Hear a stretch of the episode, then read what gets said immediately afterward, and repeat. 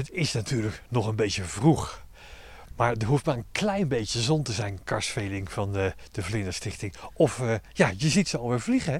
Jazeker, ja. Het is, uh, het is najaar. Hè. Zomer is de echte vlindertijd. Maar ook in het najaar zijn er nog steeds flink vlinders aanwezig.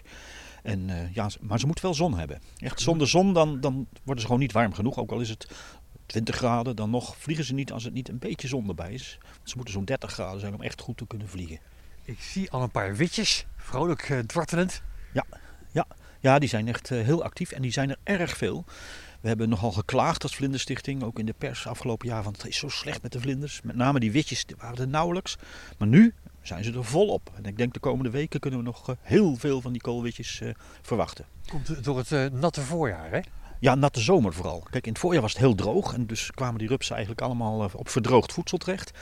In de zomer hebben ze eitjes afgezet en de rupsen die daaruit kwamen, die hebben fantastisch mooi mals, mals planten gekregen. En die groeien dus als kool, letterlijk als kool, ja, hè, de koolwitjes. koolwitjes. En die vliegen nu echt massaal, zowel het groot koolwitje als het klein koolwitje, het klein geaderd witje. Want mensen weten dat misschien niet, hè, die zeggen koolwitje. Maar wij weten natuurlijk dat het allemaal weer verschillende soorten zijn. Maar alle drie zijn ze op het moment heel, heel talrijk. Ja. ja, je kan al een beetje merken dat de dagen al wat korter worden en dat we toch in het najaar zitten. En dan heb ik van jou begrepen dat niet alle vlinders in Nederland blijven. Nee, zeker niet. Die koolwitjes wel, hè, die we nu hier zien. Die gaan trouwens dood, maar die leggen eitjes. En de pop gaat uiteindelijk de winter door. Maar je hebt vlinders die denken van die winter in Nederland, dat uh, zie ik niet zitten. En die trekken weg vanuit Nederland naar het zuiden. Ja. Welke vlinders zijn dat? Uh, het bekendste is eigenlijk de Atalanta.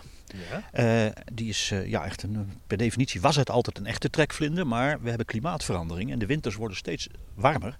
En je ziet steeds meer Atalantes die denken van ja, die lange trektocht, ik doe het niet, ik blijf lekker in Nederland. En als het zo'n kwakkelwinter is, dan redden ze het ook.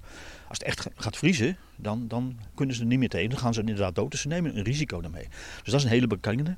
De distelvlinder is een gigantische trekker. Die gaat uh, onder de Sahara in uh, Afrika, nog ten zuiden van de Sahara gaat hij heen.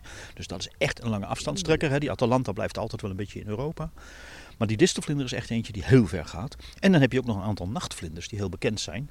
Hè, de gamma-uil, maar ook de kolibrievlinder. Dat is echt een fantastisch beestje. En uh, vroeger was die heel zeldzaam, maar die zie je steeds meer. En ook dat is een trekvlinder die in het najaar, nu dus een beetje, weer richting het zuiden gaat. Je hebt het over afstanden van een paar duizend kilometer die de vlinders afleggen. Ja. Waarom doen ze dat? Ja, ze doen het omdat ze in principe hier die winter niet kunnen overleven. Kijk, we hebben een dagbouwogen, een kleine vos, die blijven hier gewoon als vlinder zitten. Die maken antivries aan, die halen vocht uit hun lijf, die kunnen tegen min 20, geen enkel probleem. Deze vlinders, die, die, die hebben geen winterslaap, die gaan eigenlijk continu door. Leggen eitjes, sterven dan, maar dan komen er weer nieuwe vlinders uit en die blijven altijd hier. Maar die kunnen niet tegen min 20, dus die denken van nou, als wij willen blijven voortplanten, dan moeten we dat ergens in het zuiden doen. En die distelvlinder doet dat dus heel extreem door naar Afrika te vliegen.